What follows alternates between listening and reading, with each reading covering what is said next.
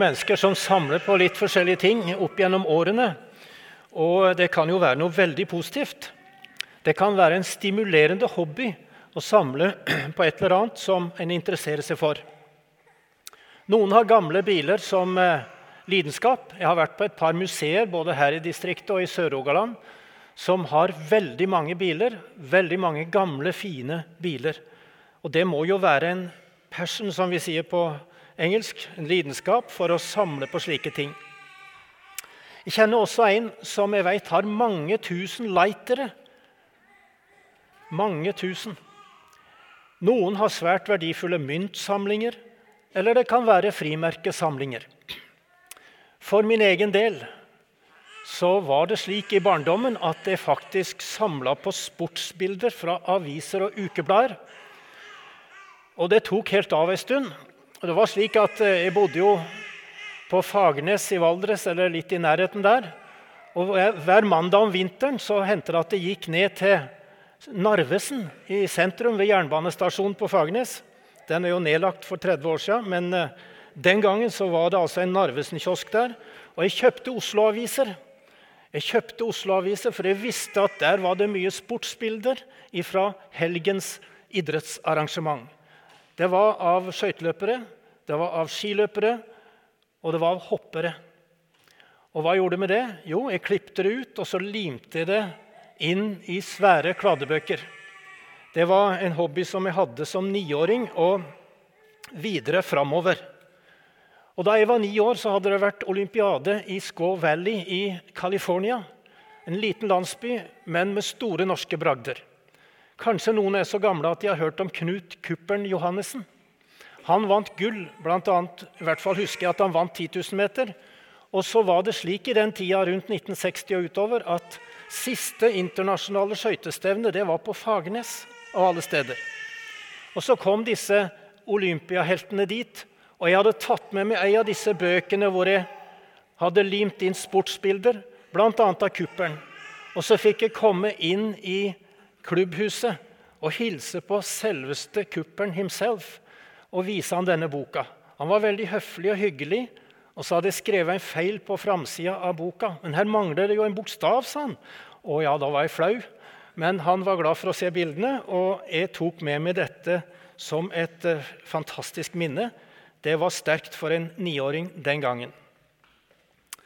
Jeg tror nok at de fleste av oss har et eller annet som vi samler på, og det kan av og til være nødvendig med en skikkelig opprydning. Det kan bli for mye av det gode, eller som noen kanskje vil si, av det onde. Det kan faktisk gi en skikkelig god følelse å få tatt en grundig opprydning og få vekk en del unødvendige ting en har samla på.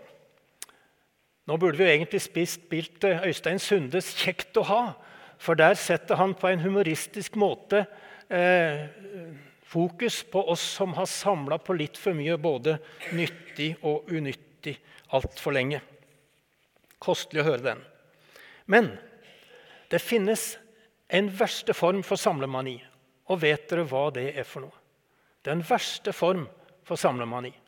Jo, det er å samle på negative opplevelser en har hatt med et annet menneske. Det er å samle på alt negativt vi vet om et annet menneske for så å bruke det som skyts for å sette dette mennesket skikkelig til veggs. Det er ikke bra. Jeg pleier noen ganger å si når jeg taler til brudepar i vielser, at det lønner seg aldri å holde regnskap med ektefellens svake sider og tabber. Det svarer seg aldri. For gjør en det, så kan det bli brukt på en så negativ måte til å sette ektefellen på plass at det vil være ødeleggende. Enten det gjelder i familien eller i nabolaget eller i forhold til kolleger på jobben, så kan det ødelegge mye hvis en samler på negative episoder. Og Nå er jo temaet i dag 'Tilgi oss vår skyld, slik også vi tilgir våre skyldnere'. Og Da er det viktig å tenke igjennom våre holdninger i dette. Vi vet at mange erfaringer med mennesker rundt oss kan sette oss opp mot hverandre og lage fiendskap som varer i årtier. Det kan være et arveoppgjør som ikke gikk slik noen hadde tenkt, eller en nabotvist om en vei, et gjerde en garasje eller ei bod som kommer litt for nær, eller et svært tuntre som naboen har lyst til å sage ned. Det kan skape dårlige relasjoner. Mange har vel lest eller hørt om denne episoden på Østlandet en plass, hvor en nabo mente at en bod sto for langt inn på hans område, og så kløyvde han den i to. Og det er en rettssak som pågår ennå, tror jeg.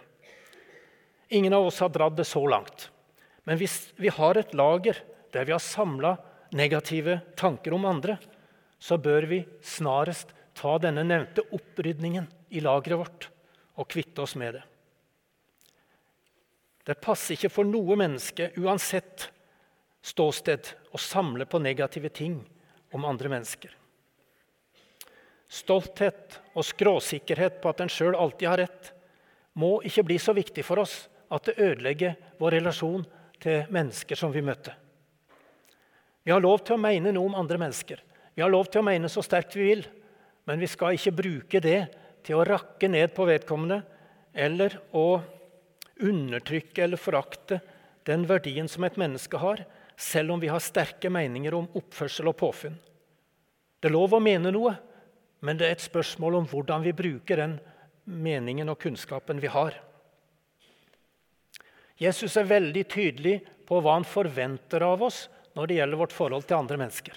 Både i den evangelieteksten vi har lest nå, og også det som vi møter i flere av lignelsene. Og Han bruker flere lignelser for å få fram hvor urimelig det er å ikke ville tilgi når en sjøl har bedt om tilgivelse og fått det. Hvordan er det med det og med? Krever vi full rettferdighet eller oppreisning for å kunne legge ned stridsøksa i forhold til noen som vi har vært uenige med. Historien og litteraturen er full av beretninger langt bakover om mennesker som har levd i uforsonlighet og alt det vonde som dette har ført til. Jeg tror ikke vi ønsker å ha det slik i våre liv. Vi bør strekke ut ei hånd og be om forsoning, selv om vi ikke alltid får det slik som vi vil.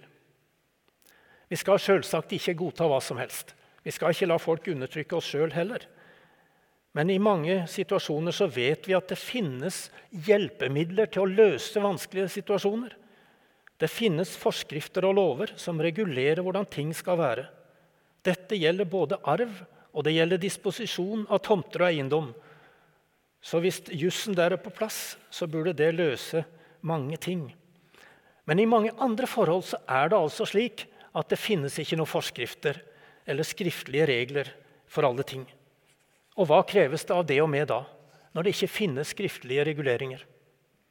Jo, da kreves det at vi har en sunn dømmekraft, en god vurderingsevne, der vi må opptre med samme rimelighet og forståelse som vi venter av andre mennesker. Stoltheten vår kan hindre oss i å beholde et godt forhold til slekt, venner og kolleger.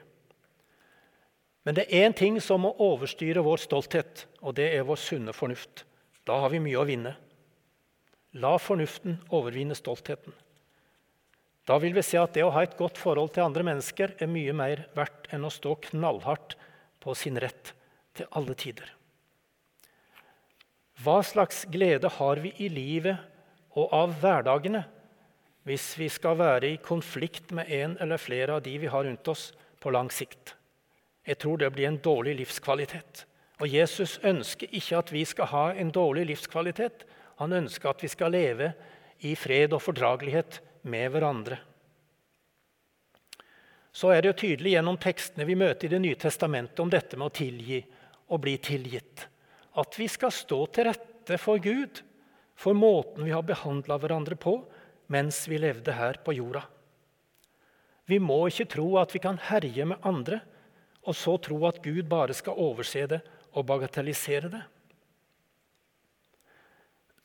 Jeg snakka med en eh, inngift slektning i Amerika en gang som sa følgende Jeg tror at i bunn og grunn så handler kristendom om hvordan vi behandler hverandre.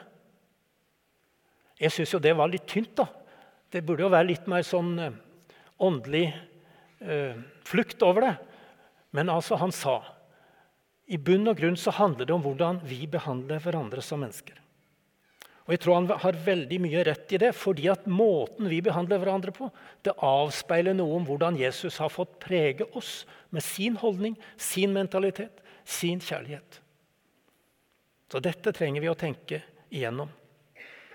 Derfor så er en kristen mentalitet i dette spørsmålet det handler om hvordan vi møter hverandre.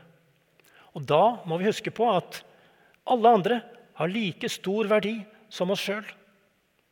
Og de har like store rettigheter som oss sjøl. Og vi kan ikke ha det rett og godt med Gud om vi ikke har et oppgjort forhold til våre medmennesker. Skal det bli fred i vår sjel og gode relasjoner til våre medmennesker, da må vi ta et oppgjør med egne holdninger. Vi må omvende oss fra vår stolthet og stahet. Vi må ville forsone oss i situasjoner hvor vi har noe uoppgjort med andre. Så et eksempel som er lysende kanskje over alle andre eksempler etter Jesu tid. Nelson Mandela kjenner alle til av omtale. Han satt i fengsel i Sør-Afrika i 27 år. Den farga befolkningen hadde i generasjoner blitt trakassert, utsatt for vold og undertrykkelse. Det hvite mindretallet hadde innført det umenneskelige apartheidsystemet. Det førte til mye bitterhet og forferdelige tilstander for millioner av mennesker. Når Nelson Mandela kom ut og fikk muligheten til å bli landets president, så frykta mange en blodig borgerkrig som følge av undertrykkelsen. Men den kom ikke. Borgerkrigen i Sør-Afrika kom aldri. Og hvordan kunne det være mulig? Mange rundt i verden satt med forundring og hakeslepp når de så på hva som skjedde under Nelson Mandela, og hva han fikk i stand i denne store forsoningsprosessen etter apartheid. En slik utvikling etter lang undertrykkelse hadde verden aldri sett maken til. Og hva var det som var årsaken til at dette kunne skje? For det første var det klokt lederskap. En statsmann av de helt sjeldne, kanskje den største verden har sett, vil noen si. Men også ved Guds nåde ble det mulig med forhandlinger. Og Idealene for dette forsoningsarbeidet i Sør-Afrika under Mandela det må ha kommet fra Jesu undervisning i Det nye testamentet. I dag ser svært mange mennesker bort fra slike idealer. Eller de er helt uvitende om slike idealer fordi de ikke kjenner kristendommen. Like fullt er det slik at hvis disse idealene fra Jesus får innpass, så kan svært mye positivt oppstå mellom oss mennesker. Dersom vi lærer å se at alle andre er like verdifulle som oss sjøl, så har vi vunnet mye. Det er ikke lett å holde fast i, men alle har altså samme verdi. Ingen har rett til å se ned på hverandre. Og Tenker vi slik, da kan vi få det bedre både i lokalsamfunnet, i menigheten og i familien. Vi trenger alle tilgivelse. Og vi må alle lære oss å tilgi. Først da vil vi kunne erfare den store velsignelsen som ligger i det som Astrid lærte, leste fra Salme 32, vers 5. Da bekjente jeg min synd for deg og skjulte ikke min skyld. Jeg sa, jeg vil bekjenne mine lovbrudd for Herren, og du tok bort min syndeskyld. Det er bare Gud som kan lette oss for disse byrdene. Og hvis vi spiller på lag med Han, så vil det kunne skapes helt nye ting mellom oss, og vi vil få det mye bedre sammen. Og Dette å få del i denne gaven det kan bli virkelighet hver gang vi på gudstjenesten feirer nattvær. I dag er vi alle invitert til nettopp det. La oss ta imot Guds nåde på ny ved å svare ja til invitasjonen fra Jesus. Dette er et måltid som han vil at vi skal bruke regelmessig og vi kjenner det fra ritualet, nattverdliturgien. Gjør dette så ofte dere drikker det, til minne om meg. Altså, så ofte vi feirer nattverd, så skal vi gjøre det til minne om Han, og så får vi del i den mest verdifulle av alle gaver. Syndenes forlatelse og fred med Gud. Ære være Faderen og Sønnen og Den hellige ånd, som var og er og blir en sann Gud fra evighet og til evighet. Amen.